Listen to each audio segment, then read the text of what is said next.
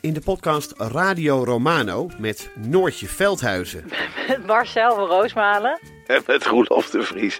brengen we alle drie elke week een zogenaamde signalering mee. Wat heb jij nou weer bij je? En aan het eind bepalen we wie de winnaar van de week is. Echt een angstcultuur Lege huls die je er bent? Ja, dat gaat eigenlijk altijd onvriendelijk. Luister nu naar Radio Romano bij Podimo. Via podimo.nl slash Radio Romano luister je 30 dagen gratis. Kijk, het gesprek begon ogenschijnlijk over het onrecht dat mensen wordt aangedaan als er zo'n vernietigende recensie wordt geschreven. En wat dat met mensen doet. Ja. Daar leek het gesprek over te gaan. Maar gaandeweg, en dat is dankzij goed redactiewerk van mijn eh, redacteur destijds, blijkt dat die test niet deugt. Via podimo.nl slash gonzo luister je de eerste 30 dagen gratis naar Podimo. podimo.nl slash gonzo. We had uh, uh, clear indications about uh, the Russian Federation attempting a coup d'état. Um, A coup d'etat Yes, from, in, from to- inside. uh, well, yes, with the collaboration with uh, oligarchic groups. So we needed a reset. Uh, we thought that uh, it's important for a new government who is more sort of security oriented. And uh, I, I want to stress here that the ruling political party, Party of Action of Solidarity, which I'm the first deputy vice president of, still is in power. It still provides a majority. So it's still a pro-European uh, government. So the country is stable politically. Indeed, and uh, you know this is what we have been telling actually people who are trying to sort of create the perception of weakness of power. That you know, look, even if the government changes, it's still going to be you know a ruling party government. So you know, don't hope that you will be able to destabilize the country and its pro-European course. Dit is Betrouwbare Bronnen met Jaap Jansen.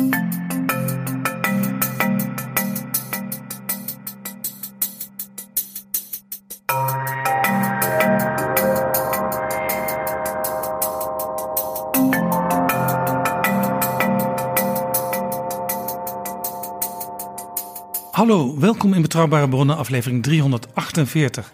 En welkom ook PG. Dag Jaap. PG, we gaan praten met Natalia Gavrilica.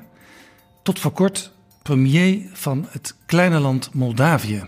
En als er één land in Europa is dat zeg maar, geopolitiek, militair, economisch en wat dan niet onder druk staat en in gevaar is en risico's loopt, dan is dat nou juist Moldova, wat wij in Nederland Moldavië noemen. Het ligt ingeklemd tussen Oekraïne en Roemenië. En een klein stukje van het land, Transnistrië, heeft zichzelf onafhankelijk verklaard en staat onder zware Russische invloed. Sterker nog, er zijn 1500 Russische militairen gelegerd. Dus in hun land is een stuk waar gewoon Poetin troepen heeft zitten. Ja, Dat geeft dus al aan onder welke grote, dus ook politieke druk en militaire druk het niet eens zo heel kleine Moldavië eh, staat. Want het is in oppervlakte een best een groot land nog. Eh, maar 2,5 miljoen inwoners en natuurlijk economisch natuurlijk ver achter bij de rest van Europa nog. ja. En de haven van Odessa, in het zuiden van Oekraïne, was voordat Poetin Oekraïne binnenviel, de belangrijkste haven eh, voor de import en export van Moldavië. En het gevaar was, toen de Russische troepen oprukten, dat via Odessa ook Transnistrië bereikt zou worden.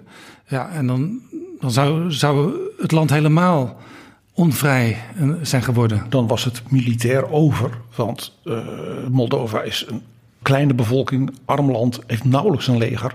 Dus dan zouden die Russische troepen die daar al zijn, zich als ware verenigen met zeg maar, de oprukkende troepen van Poetin hè, door eh, Oekraïne. En dan was Moldavië, dan was ook eh, president Sandu en ook deze toenmalige minister-president mevrouw Gavrilica natuurlijk gewoon ten val gebracht. Ja, president Maya Sandu is van dezelfde partij als de premier. Ze zijn in Europa lid eh, van de European People's Party, waar ook bijvoorbeeld het CDA in zit.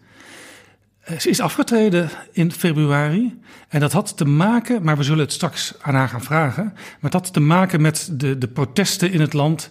Bijvoorbeeld vanwege de inflatie, vanwege de eh, energiekosten die maar de pan uitrezen. De economie kreeg natuurlijk een enorme klap. Kijk, als de enorme haven van Odessa feitelijk nauwelijks kan functioneren en onder vuur ligt, dan betekent natuurlijk ook dat ja, export en andere noodzakelijke dingen voor het kleine Moldavië dus ook lam gelegd zijn.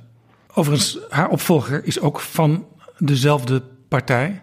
En uh, Natalia Gavrilica, die reist nu regelmatig door Europa om over Moldavië te vertellen. En ook om te pleiten voor het lidmaatschap van de Europese Unie.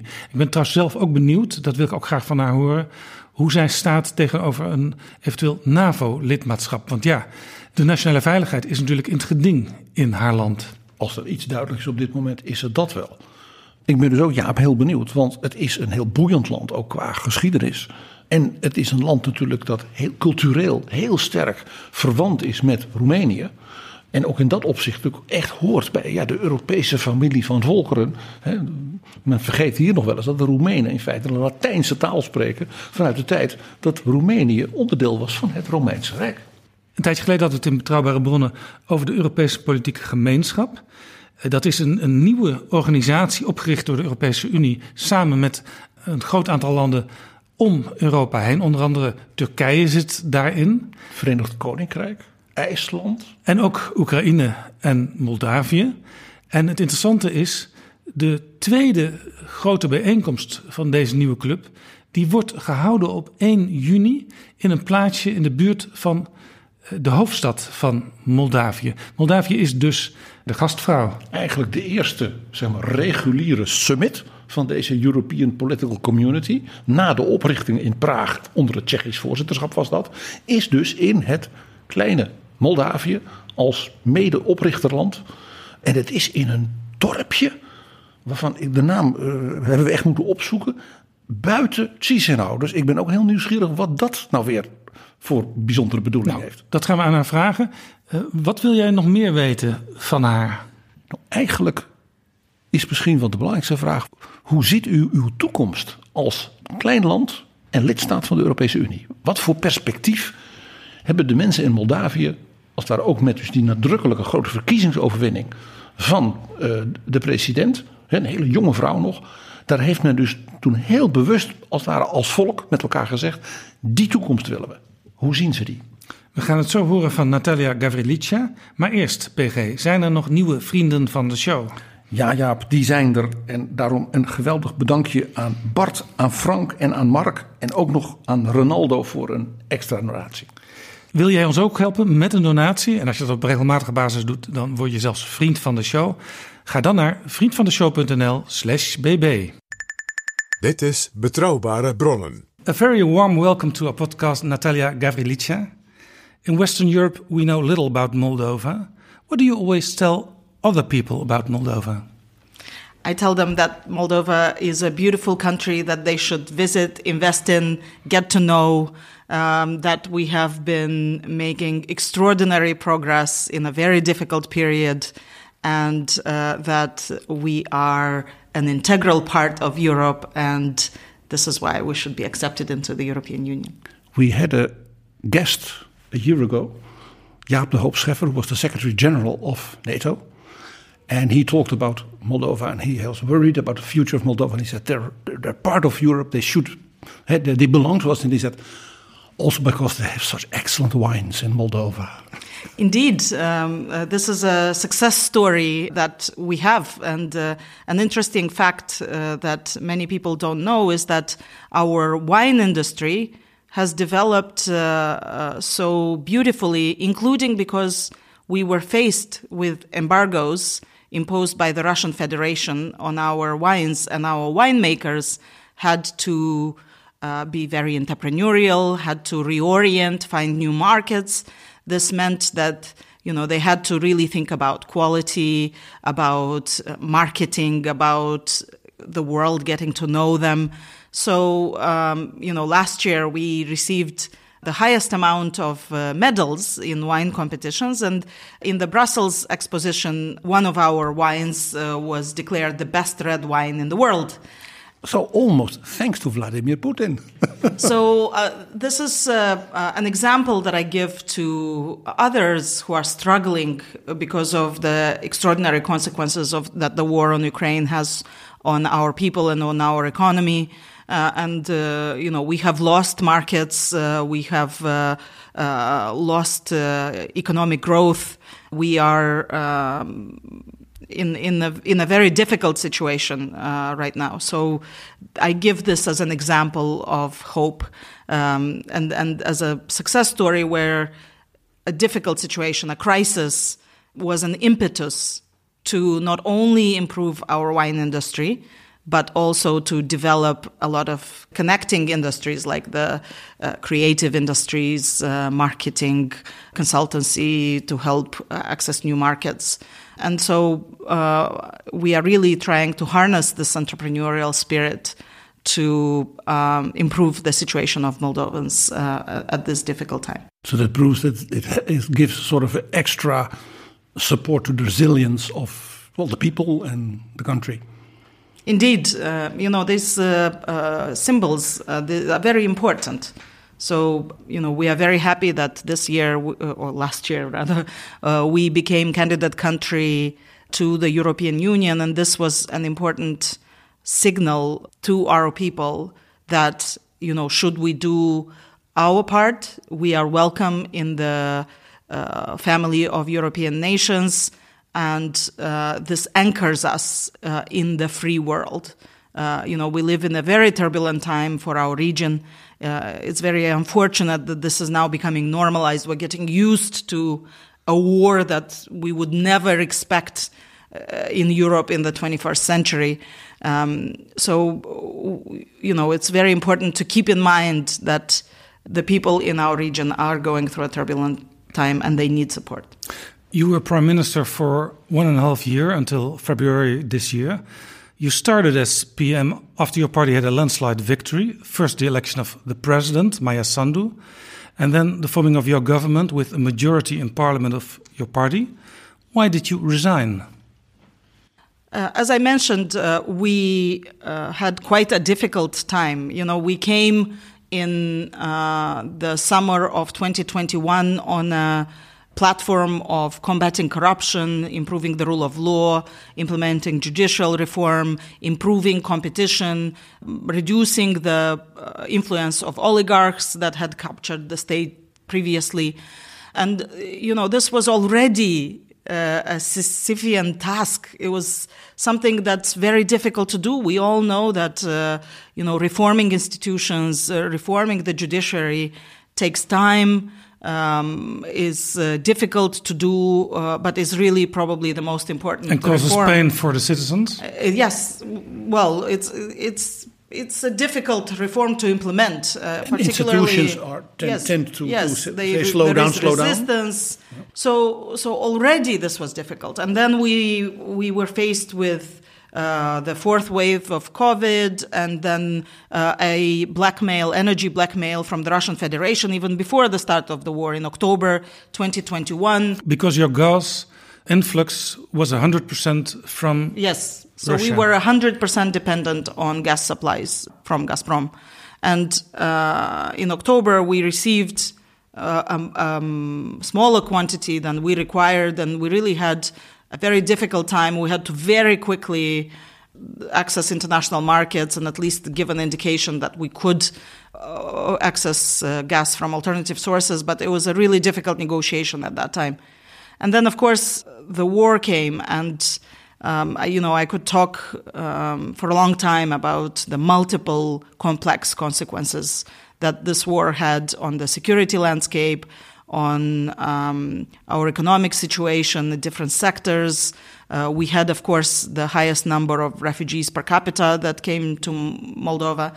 How many refugees came in? More than 600,000 refugees crossed Moldova. And just to put things in perspective, the entire population of Moldova is 2.6 million people, compared to the population just of the Odessa region, uh, that is 2.3 million. So we 600,000. And how many uh, stayed in? So Moldova? at the highest point, we had 125,000 people, and now we still have about 80,000 uh, refugees in the country. And you know what? What is important to mention is that UNHCR, the UN agency that um, is responsible for refugees, did an assessment and they thought the total capacity of the Moldovan society is 25,000. So we received five times more than our predicted capacity. But you survived. Indeed, and that was because of an extraordinary mobilization and solidarity shown by our people. Um, and we really proved that Moldova is a small country with a big heart. Yeah, Mo uh, Moldova survived, but, but the government you, you as an MP didn't. so um, yeah, I was getting there. Um, we also, you know, if we look at um, the macroeconomic re results, um, you know, we are in stagflation territory. I know it's the same problems as many European countries have, but just to stress that these problems are much bigger in Moldova, and then the government has less capacity to mitigate the impact of these uh, developments. So we had a decrease in growth of 6% of GDP. We had an average inflation at about 30%, and at, at its highest, it was 35%. So even though we increased pensions and wages and uh, implemented a very comprehensive social protection program, you know, we still had a lot of pressure um, on the ruling party, on the government, and we had growing security risks. So, you know, we had uh, uh, clear indications about uh, the Russian Federation attempting a coup d'état. Um, a coup d'état yes, from in, from to, inside. Uh, well, yes, with the collaboration with uh, oligarchic groups uh, that had participated in the banking fraud of 2014. So we needed a reset. Uh, we thought that uh, it's important for a new government who is more sort of security oriented and can uh, provide a, a new uh, sort of uh, reset. Focus, reset, yes. And uh, I, I, want to stress here that the ruling political party, Party of Action of Solidarity, which I'm the first deputy vice president of, still is in power. It still provides a majority so it's still a pro-European uh, government. So, the country is stable politically. Indeed, and uh, you know this is what we have been telling actually people who are trying to sort of create the perception of weakness of power. That you know, look, uh, you know, even if the government change uh, changes, it's still going to be a you know a ruling party government so, you know, don't hope that you will be able to destabilize the country and its pro European course. Talking about that coup d'etat attempt, I heard that probably also the, the Wagner group was involved. I don't uh, know all the details because this, uh, these details came after uh, I resigned.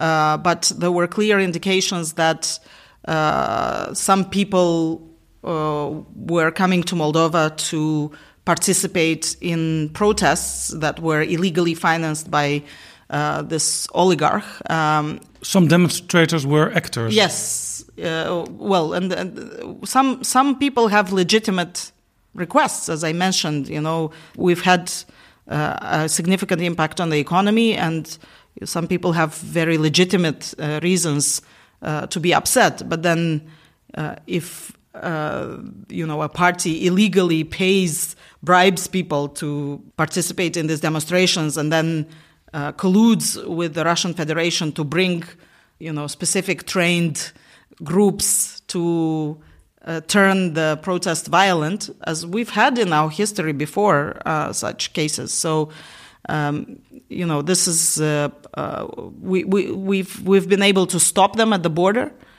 um, and denied them entry into the country.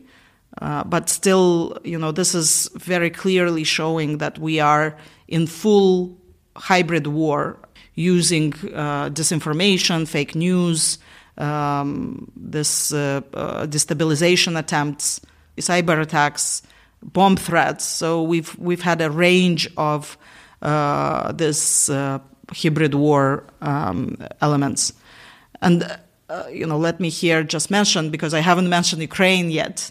And I really want to say that uh, we are facing no direct, we, are, we, do, we don't have a direct military threat due to the brave resistance of the Ukrainian fighters. And we actually uh, recognize that the Ukrainians are defending our values and our European way of life. Um, you know, for Moldova, it's it's providing security, but also for the rest of Europe. And I, think we should never forget that. When the troops of Vladimir Putin crossed the border with Ukraine, what was your first thought that day?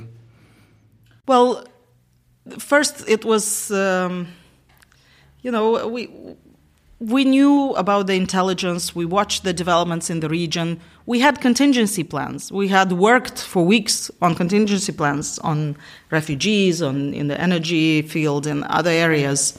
Also because but, of those cybersecurity threats. Yes, but but you know, ultimately, even though we were preparing, I think really in you know in our hearts we could not believe that such a brutal, unjust, and full fledged war can happen in Europe in the 21st century. So, um, you know, I, I, think these contingency plans helped. So we knew exactly what our strategy would be. That you know we would declare an emergency situation, and uh, that you know we would uh, prepare everything to receive a wave of refugees. Um, we didn't know that it would be that big, but uh, you know we knew that we could expect refugees.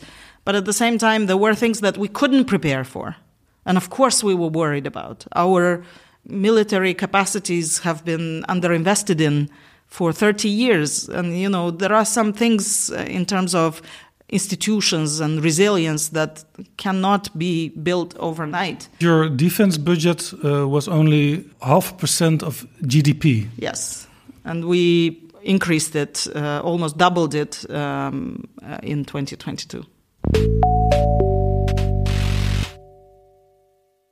After you resigned, what are you doing nowadays?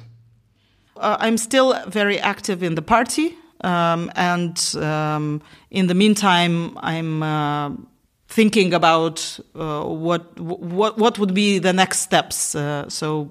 Uh, for now, I'm I'm taking the time to concentrate on party activities. And you're also a little bit maybe uh, should I call it an ambassador at large for yes. Moldova? uh, the roving reporter of Chisinau. I, I have um, always enjoyed doing everything that I could uh, to uh, make sure that Moldovans have a better life and a better future. Um, you know, I, I would really like my son to grow up in a, a European country, and uh, it would be great if that could be Moldova. You were born in 1977. Twelve years later, the Berlin Wall crumbled. Do you remember that moment? Was it a big thing in your family? Yes. So uh, I grew up with the changes uh, in uh, the Soviet Union. And um, I participated uh, even as a teenager in demonstration and protests at that time. The Moldovan people were fighting to have their language recognized. You know, we were writing uh, in uh, Romanian with a Cyrillic alphabet, and this was called Moldovan.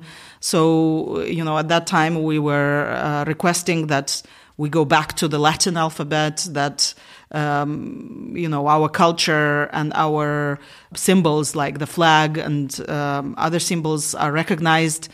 And uh, and then we had uh, a very very big protest, the you know great National Assembly, um, and uh, I remember participating in that too. I remember when Moldova became independent in 1991, um, and um, I think that this is part of uh, the impetus uh, to to really transform Moldova to make sure that uh, that fight in the 90s um, is uh, actually brought to uh, positive results for the people of Moldova.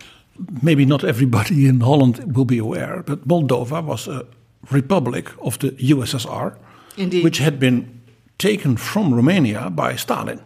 Yes, so this was uh, part of the Ribbentrop-Molotov uh, agreement. And uh, this was the secret agreement uh, that referred to Baltic states and Moldova and, and, some other territories too. And this was really a secret division of lands uh, between uh, Germany and the USSR. And um, in one night, uh, the USSR issued an ultimatum to Romania and moved its troops from the uh, Nistru River to the Prut River. So there are two rivers that uh, largely form the um, borders um, in um, Moldova. So you must you must have known people in your youth, and maybe even today, who have memories of Moldova before Stalin, when it was part of Romania. Yes. So my grandfather, for example, um, you know, would tell me stories about um, te- uh, studying and then teaching uh, in a Romanian school. Uh, but uh, at the same time, uh, my family comes uh, from the Transnistrian region, which is now a secessionist region in Moldova, and it ha- has Russian troops on its territory that are illegally stationed there. and this Transnistrian region uh, was actually belonged uh, for a longer period of time uh, to um, the USSR. Having this awareness as a teenager already, was that also the reason you wanted to study international law?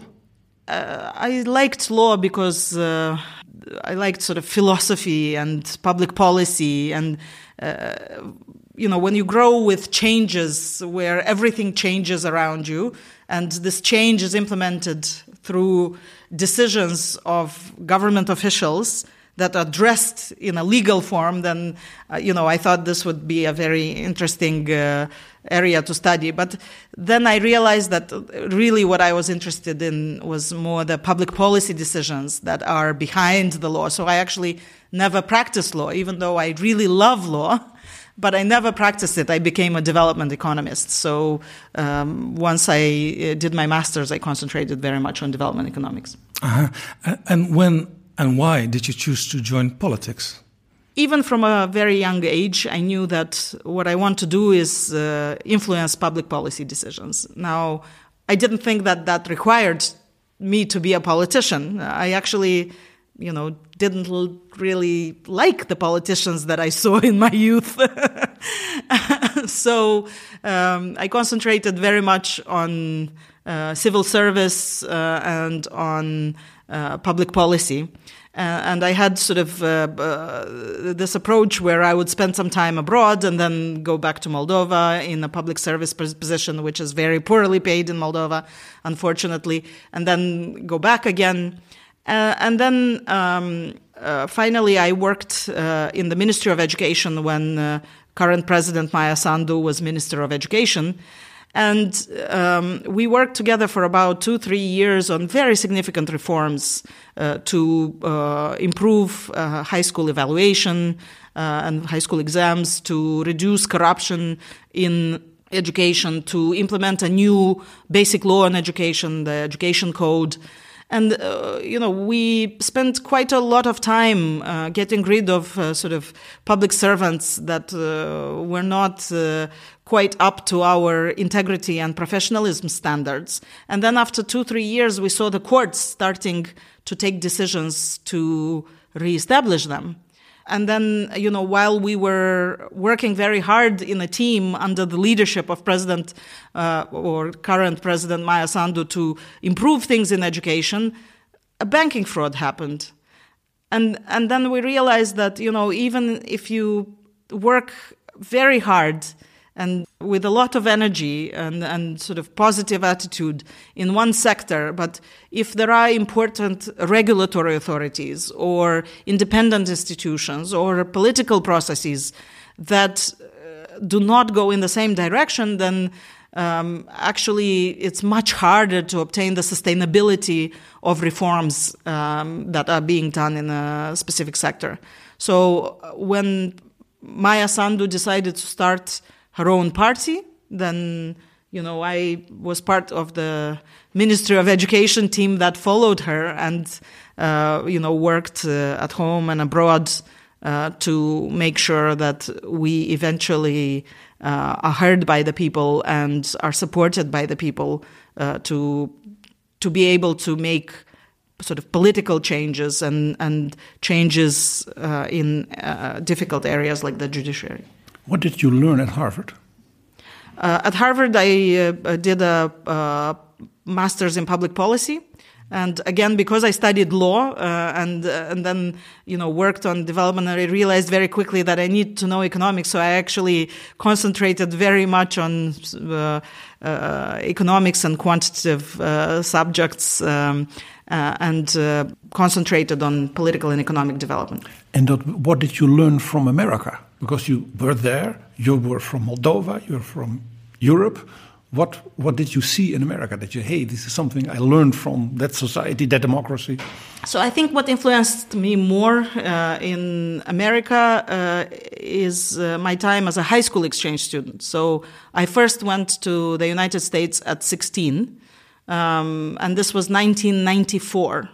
This was uh, just to remind people who may not uh, remember. This was before internet, uh, so we didn't even have email let alone social media applications that you know would allow to keep in touch. Um, so and and I had never been outside uh, of uh, the uh, Soviet bloc and Romania. So I had never seen a Western European country or you know the U.S. before. So um, in 1994, the first Western European city that I saw was actually Amsterdam. We stopped here for half a day uh, before um, flying to the US, and I still remember sort of this shock uh, at seeing something that's so different that it could could as well be a different planet. What was the most different?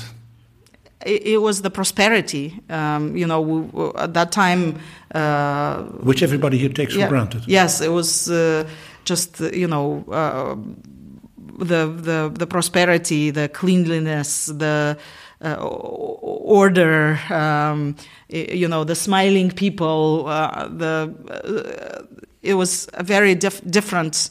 Uh, situation than um, order. I think in a Soviet way is is more chaos from, from a uh, Soviet vision. Well, um, yeah, I, I I do remember some of the propaganda news uh, of the Soviet Union, but that was a long time ago. and uh, you know, by '94 there was plenty of chaos in the Soviet Union. So, um, in, in, what city in the United States uh, you were going to school? So I was a high school exchange student in Ohio, um, in a small town. Uh, but uh, uh, I think, you know, this actually changed my life um, because um, it really sort of gave me a very different perspective. It made me grow up, uh, you know, being uh, on my own in a very different environment at 16. Uh, I also, you know, really um, understood much more profoundly, I think, what uh, freedom is, uh, you know, what democracy is, how it works, why, uh, you know, this is. Um, uh, a better solution than what I had seen before um, for for ensuring that people are able to realize their potential. And I still believe in this. You know, we we can criticize uh, the um, development of our democracies. Uh, we can think of ways in which we could improve it. We can uh, be even, worried or concerned about the impact of social media or they can criticize technology. you as prime minister. Yes, yeah. yes, and but, they did, of course. but at the same time, you know, uh, there is no better system that would allow people to be free and to have an opportunity to uh, build a happy life. Yeah. Um, so. so. so, your first trip uh, international was to Amsterdam, and then after half a day yes, to the United, to the United States. States. And of course, going to Ohio, to small town America, is yeah. of course a much better way to sort of internalize and to learn from that than to go to Washington, D.C. and meet all important institutions and stuff like that. Indeed. I mean, this uh, uh, just spending a year i think I, I, just believe in you know young people having various types of experiences like I, I, I, very much support, for example, internship uh, opportunities uh, in Moldova, paid, especially paid internship opportunities, because I know it's difficult for young people to take uh, non-paid internships, uh, because then it, you know, the opportunity depends on the capacity of the parents to support them. But these uh, sort of international competitions or or uh, internships or or exchange programs, they really help young people. Um, you know, get experienced, uh, have a different outlook, be open-minded, uh, learn about you know different uh, approaches, different attitudes, and how they could be uh, applied uh, in in their community or in their country. So. Uh, I, I, of course, this changed my life also because it provided me uh, opportunities later on. When I was a student, uh, I was one of the few people who spoke fluent English in Moldova, and I worked the entire time as an interpreter, which you know uh, gave me a lot of economic freedom as well.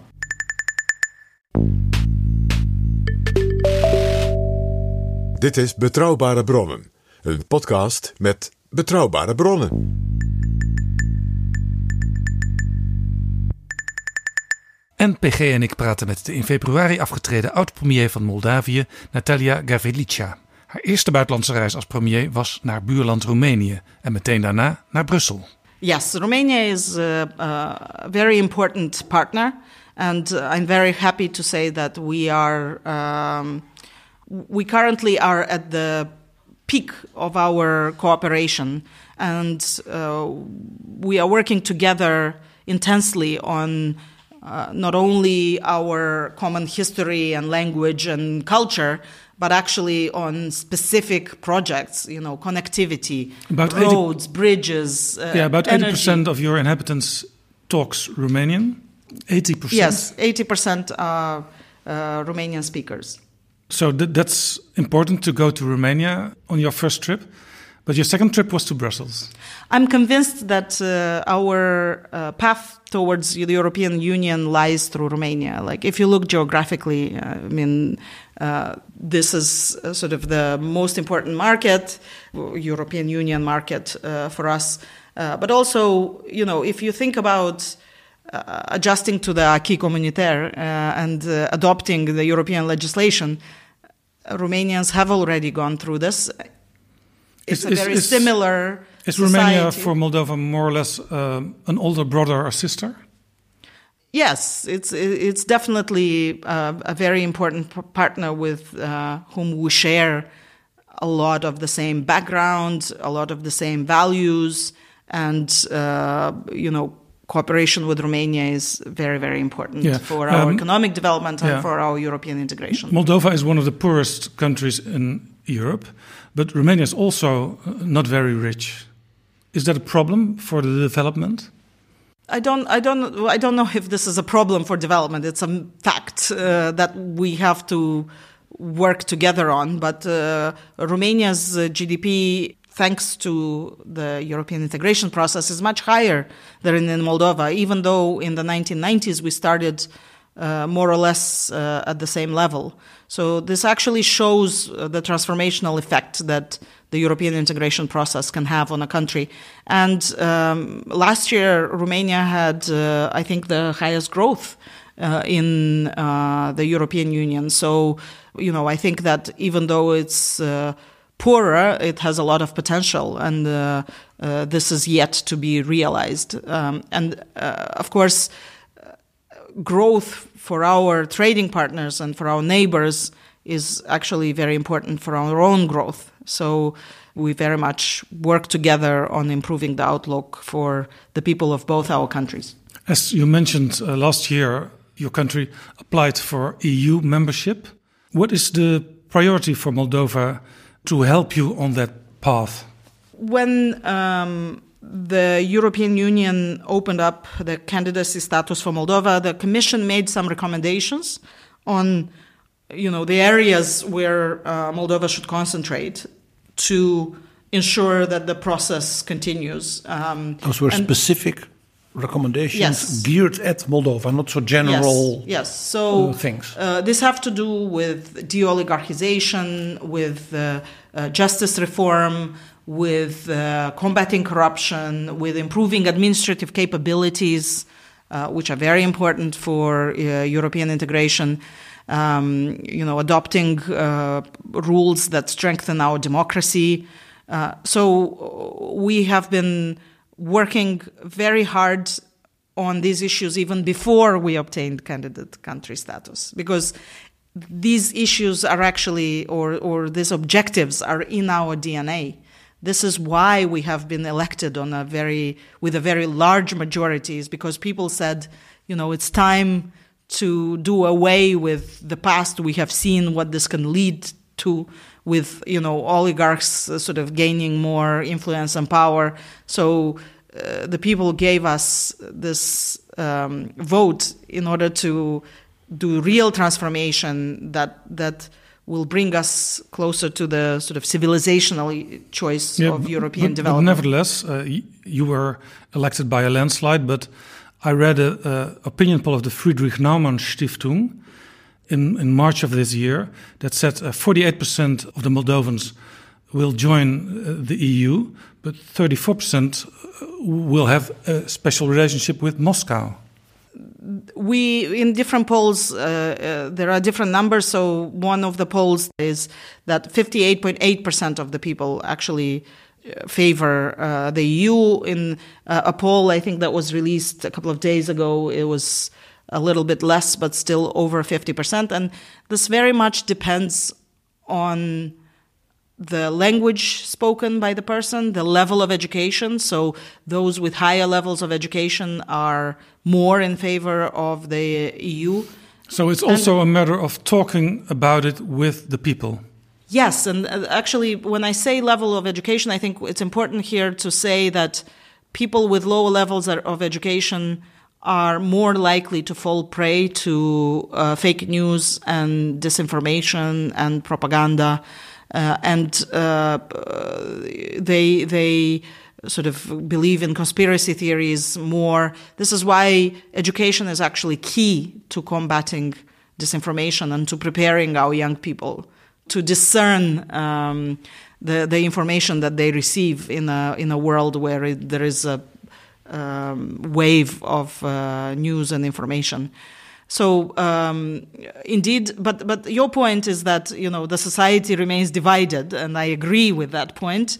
Uh, and uh, there is a lot of work that we still need to do uh, to uh, reduce the influence uh, of uh, fake news and propaganda, and to convince those people who are not yet convinced that. Uh, this is the path that will be more beneficial for them, even though in the short term some of the reforms may be painful. Uh, but uh, this is the only way where we can build a more just, more prosperous society.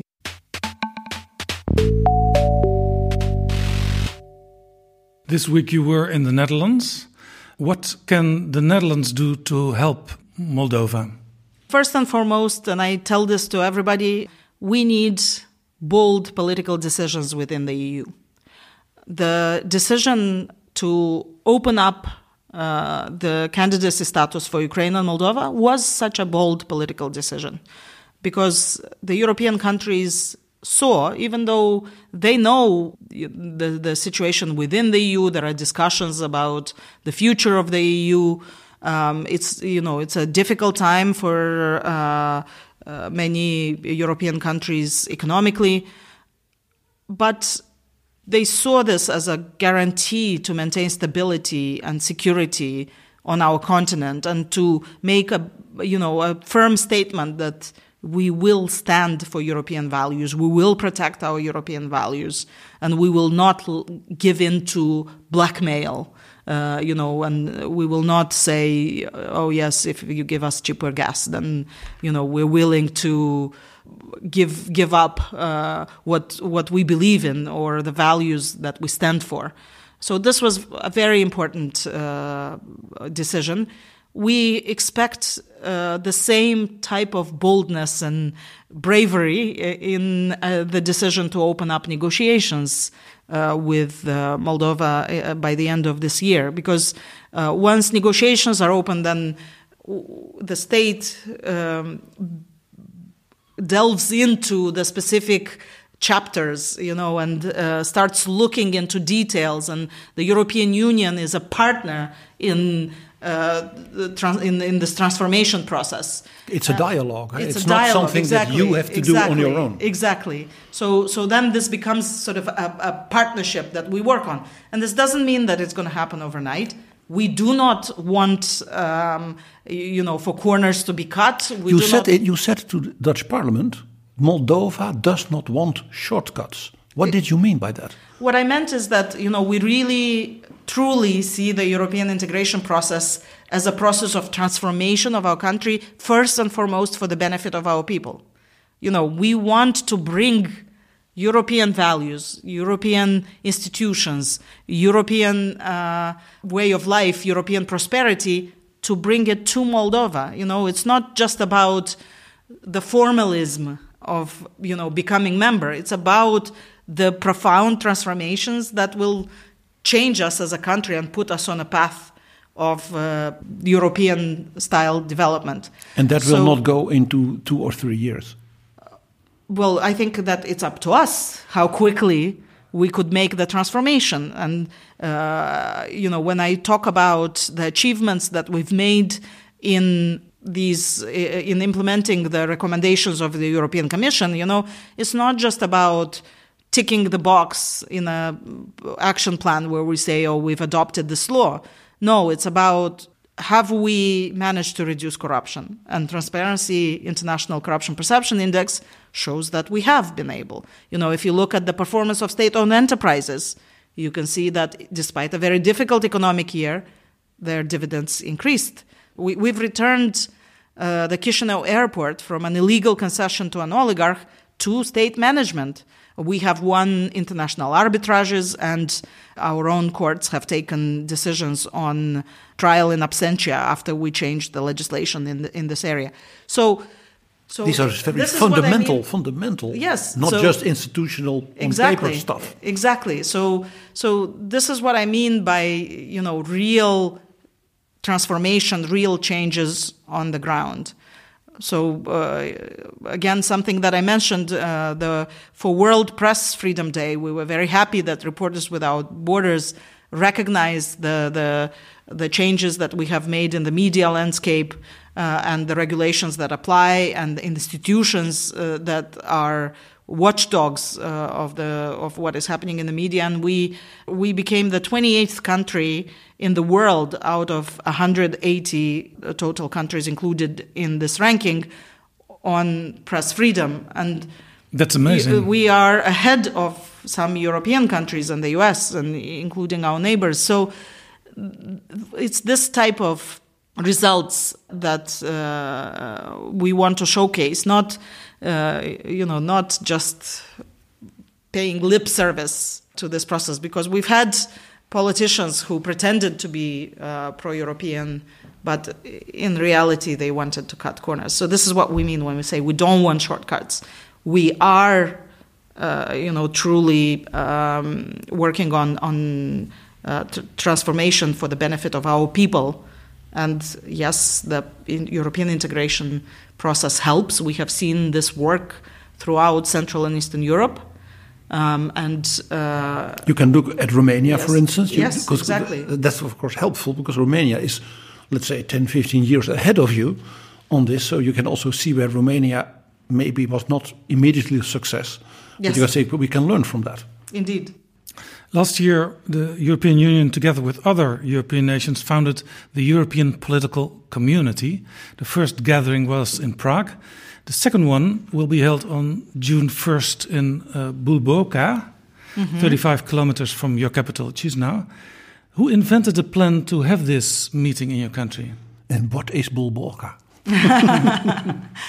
Um, so I'll address the last question first. Uh, Bulboaca is a, a village uh, in uh, Moldova, and there is actually a very nice winery there, uh, which is uh, uh, large enough uh, and uh, uh, beautiful enough to host uh, the most important political event.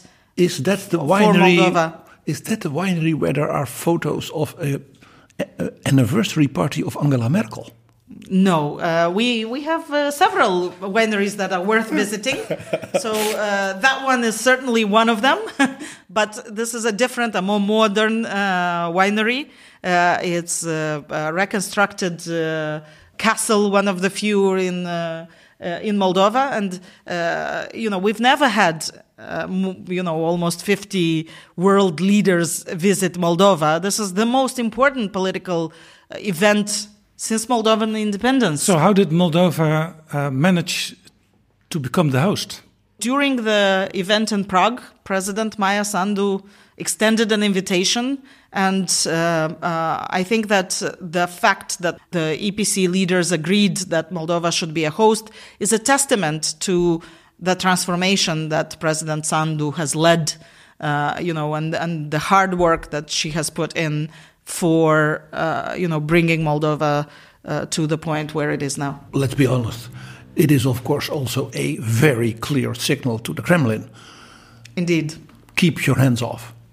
Yes. So uh, you know, it's it, it's it's also um, a sign of what I talked about earlier. That you know, we we will say, look, we will stand for our values. We will not give in to blackmail um, you know, it's a sign that you know we we are standing with Ukraine, and um, uh, we will make sure that this part of the world is able to choose its own future. You know, it's not about east or west. It's about the people of these countries being able to exert agency, being able to say, you know, this is the future we choose. Aren't you afraid that the European political community will turn into a waiting room where you sit for years and years waiting? No, we see it as a very different um, uh, forum. Uh, I think from the very beginning, these issues have been discussed and have been ironed out. Uh, definitely, uh, we do not want this to become a parallel track, but we don't have any indication that anyone intends to use it as a parallel track to European integration. So you know, this is much more sort of an um, uh, almost informal discussion on issues of the day in a fo- in an extended Europe format and and with uh, sort of European neighbors and partners to be able to engage on important issues like security, resilience, connectivity, growth. So some of these issues, you know, it's it's it's not about sort of a formal uh, negotiation or decision like in the EU. No, this is a very different format. It's about bringing along uh, decision makers, heads of state, to have the same understanding and the same uh, sort of position um, on on uh, important issues. And uh, we saw already in Prague that this can lead to sort of interesting uh, uh, developments like uh, the peace mission that uh, went to the European Union peace mission that went to uh, Armenia and Azerbaijan after the first EPC summit. And that was a very remarkable thing because it showed that, like Moldova, other countries who were in the orbit or even part of the Soviet Union are looking now at this EPC. Again, you know, when you have sort of a meeting of such caliber. And then you're able to both discuss together and have separate meetings. A lot of times it's about political will. It's about sort of finding a common ground. It's about mediation. So uh, you know i think that especially in this very difficult time for our uh, region and our continent when uh, there is a war uh, an active aggression of the Russian Federation in Ukraine, it's even more important than ever to discuss, to speak, to negotiate in time, formally and informally. And you know, uh, this this is a different format than uh, the mechanisms that exist in the EU. So we see it as a separate format. When Alexander Lukashenko will be gone, you would invite Belarus also. Um, I think that, uh, um, yeah, I mean, I think everybody agrees on that. But uh, I don't know who invites actually. As the host, we would invite, but uh, Yeah. I think Yeah, it will have to be the next Yeah. EPC summit. Yeah, yeah, but, but but it is also seen as a sort of giving perspective to countries who are now not able, because they are dictatorships or something like that, to become part of the let's say the European family when when you know the country is ready. Yeah, I think this is about uh, uh, precisely what you said. You know, when the country is ready, what are the, what is the context? How how does this um, help us ensure peace, stability, prosperity on our continent? Does this also count in the somewhat further on future for Russia? You know, I, I, I don't know uh, what will happen after uh, this war, and I think that a lot will depend on that. Um, I, I, this is too too too much into the future to uh, judge on now. Russia is a European country for you. Uh, this is a very interesting question because uh, I have yet to see uh, leadership that would make it so. Hoi, ik ben Alexander Klupping. Ik weet dat jij, net als ik, met heel veel plezier luistert naar betrouwbare bronnen. Maar je zou Jaap en PG echt helpen als je nu vriend van de show wordt.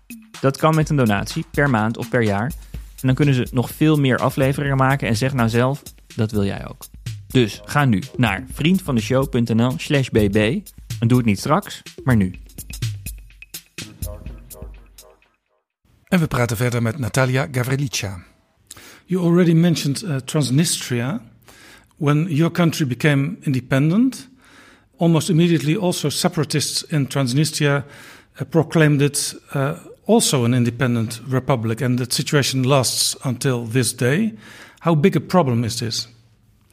This is an important uh, security um, uh, and socio-economic issue. Uh, I want to make clear that the, what happened in 1992 was actually an act of aggression that was not called that at that time. You you Who- mean that the um, the rest of the world uh, didn't look at it at that moment? Uh, yes, I mean uh, the, We were the- there were visits at that time. There was uh, concern, but uh, uh, I don't think it was recognized as uh, an aggression of the Russian Federation. So, uh, because it was the Russian troops that supported the secessionists, and in fact, uh, in the brief uh, war that we had uh, in 1992, uh, it was definitely an unequal uh, standoff between the Moldovan um, uh, uh, internal uh, uh, internal affairs forces and uh, you know the nascent military because we were only independent for one year at that time. So and the secessionists supported by Russian troops. So there are now Russian troops Yes, in that now- part of your yes, country. Yes, there are Russian troops on the territory of the Transnistrian region. Is it infantry? Is it air force? It's i- infantry, and the, the the official reason that is given is that they are guarding an important munitions depot from the Soviet Union in, in a village called Cobasna, which is just a couple of kilometers away from Ukraine. And uh, in the 1990s, there were 20,000 tons of uh, weapons and munitions in that uh, depot. So, uh, but uh, in 1999 at the OSCE summit uh, in Istanbul, um, Russia uh, undertook the commitment to withdraw uh, its troops from the territory of the Transnistrian region because it also has a so-called peacekeeping contingent. So this never happened, and and yeah, the troops are now on the territory of Moldova in the Transnistrian region, and this is just to remind everybody the eastern border of Ukraine. So there's our troops there, and then let's say every half year they are exchanged for new troops. Or Uh, yes, are they but this, always there? this has become much more difficult after the war in Ukraine because the border is now closed with Ukraine, and the only way they can uh, enter into Moldova is through the Chisinau airport, and they have not been able to pass. In The Economist, I read that Alexandru Flenchea, in your period as prime minister, your advisor on Transnistria, saw possibilities for a settlement because most of Transnistria's leaders are more interested in money than in Russia. Do you think an agreement is possible? Um, I, I, do believe that, uh, uh, unlike in other frozen conflicts, um, in the, the, Transnistrian region, uh, a settlement will be much closer uh, after the uh, war in Ukraine uh, is over. So, depending on the type of agreements that that are made, this you know because because Ukraine is uh, supporting this uh, withdrawal of troops and um, supporting us in the solution of the Transnistrian conflict, the, the, uh, a solution is much more likely. But I also want to stress here that sometimes these trade agreements that we don't think about much, like the deep and comprehensive free trade agreement that Moldova signed with the EU, um, you know, ten years ago, um, they matter because uh, they have helped reorient our trade to the EU, including the trade from the Transnistrian region. So, economic elites, of course, uh, after building a relationship with the EU and uh, now uh, losing the eastern markets and reorienting uh, yes, they they uh, so want to make sure helps, uh, that the there's no war and that uh, you know Moldova stays on the pro-European course. So, uh, so over in, time, this can make an important difference. So indirectly, this region with Russian troops occupied profits from the realignment of Moldova towards Europe. Indeed, it's fascinating. Yes. Uh, I will go back to what I said in the beginning of your podcast, and I invite people uh, to come and get to know Moldova. It is a small country, but uh, very interesting uh, geopolitical location, uh, very interesting uh, people, very interesting economy, fascinating uh, um, elements to get to know. of course, people are the most attractive part, in my view. One more bit harsh military thing. When uh, Russia invaded Ukraine, and especially in the south, uh, you know, from the Crimea, they were successful. There was a lot of danger uh, for that even Odessa would be captured, and that, of course, would be a direct uh, risk for that they would realign military with the troops in Transnistria. Yes, that was a very significant risk. We have even saw some declarations and maps shown where, uh, you know, had the Russian troops moved towards Odessa, then they would have been able to unite by land with the uh, Transnistrian region, and then it would have been a much more difficult situation for both Ukraine and Moldova. And uh, here, uh, let me stress once again that uh, the sacrifice of the Ukrainian people, you know, and the resilience of their uh, military and the fact that they have been able to keep the front line um, uh, far from or uh, away from Moldova, this has made a, a, big difference in our security situation. So those few Ukrainian guys on Snake Island are also heroes in Moldova. Absolutely. Talking about national security, although Moldova applied for EU membership, you didn't do so far for NATO membership. Why not? Um, you know, this stems a little bit from our history. Um, after the Transnistrian uh, um, uh, conflict uh, in 1992, Moldova adopted a new constitution in 1994, and neutrality was enshrined in the constitution as an element that would help to convince the Russian Federation to withdraw its troops. Because if Moldova would be neutral by the constitution, then no foreign troops could be on its territory. You were still so, hoping then that Yeltsin, who was then president, yes. would say, okay, Moldova yes. has done his homework, we will withdraw. And, you know, the 1999 OSCE summit indicated that, you know, perhaps this uh, wasn't an unreasonable strategy, right? I mean, there was an international agreement to withdraw troops. Uh, the problem is that, uh, you know, we even then already uh, saw that you know it's one thing to reach an agreement and then it's another thing for Russia to actually keep its promise. But uh, for you know 30 years, uh, we have talked about neutrality of Moldova as a guarantee, if you wish, uh, of uh, Moldova remaining peaceful. So support for military alliances within our population in our society is actually quite low. Yeah, I, I saw so, I saw an opinion poll. Uh, only one out of five citizens wants to join NATO. Yes. So now in a poll, I think last month. We saw this increase to 35%, so attitudes are changing. This looks a bit war. like Finland, yeah. where, where also one in five, one in three said, well, maybe, and then it changed to you know within a few months until yes. over 70%. So, so, I think it's a process and it's a process of understanding you know what what would be the alliances that would best ensure peace and stability yeah. because ultimately that's what people I, I, want. I already one time heard your president Maia Sandu saying uh, I would like to see Moldova abandon its neutrality just like Finland and Sweden again, this is a process. We need to make sure that uh, you know people are brought uh, uh, on board with with this course of action. Um, but uh, we are starting to see a different discourse uh, in the society. I think a lot of people are starting to realize that actually a neutrality that uh, you know leaves Moldova alone in the face of external threats may not be the best option uh, for ensuring peace and stability.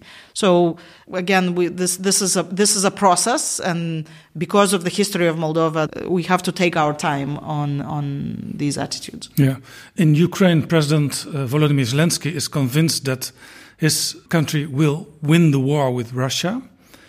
I suppose you you will agree. But the other half of the story is that then Putin loses, and what do you think will happen the next half year, the next year? I think that it's extremely important to maintain unity in Europe and the transatlantic partnership to support Ukraine. Again, I think that we're seeing sort of news from uh, the villages and cities in Ukraine and the counteroffensive becoming, uh, you know, not breaking news, but, you know, relegated to sort of simple everyday news. And I don't believe that the war should become the new normal. Uh, you know, a war should never be that.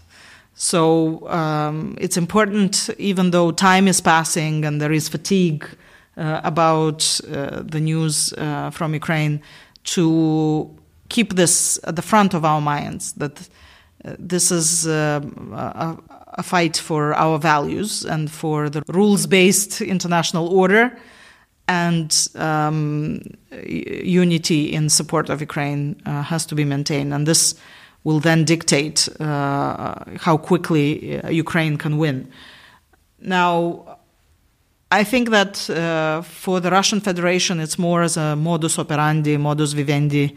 Um, it's it's we didn't see very clear objectives. It's it's a it's a way to resist what they see as uh, Western expansion or you know uh, expansion of influence over the lens that the Russian Federation consider considers its. Um, you know historical uh, lens. Although you know I remember learning history in the Soviet Union, and even then uh, you know depends on how far back in history we go because we have learned a lot about the Kiev uh, Russia. So. Um, you know, I think it's very dangerous to start being revisionist uh, um, in terms of, of uh, historical uh, events and developments. So um, we will be supporting on our part Ukrainians through everything that we have. Uh, you know, helping with uh, refugees, uh, with humanitarian assistance, with our cooperation on border security and broader security. Uh, we, uh, you know, will continue supporting it economically, and you know, even this year we are very lucky to have the year of Ukrainian culture, and a lot of cultural events uh, of uh, Ukrainian theaters and singers and uh, bands uh, in in Moldova, and you know this is another way in which our public supports um, the the Ukrainian people. Natalia Gavrilița, may we thank you very much for having this conversation, and may we wish you a prosperous future in Europe for your country, and for you yourself uh, also every luck you need in this world. Thank you very much, and thank you for the invitation. And let me remind all the Dutch corporations, universities, high schools that they should offer more internships to young people from Moldova. Indeed, thank you.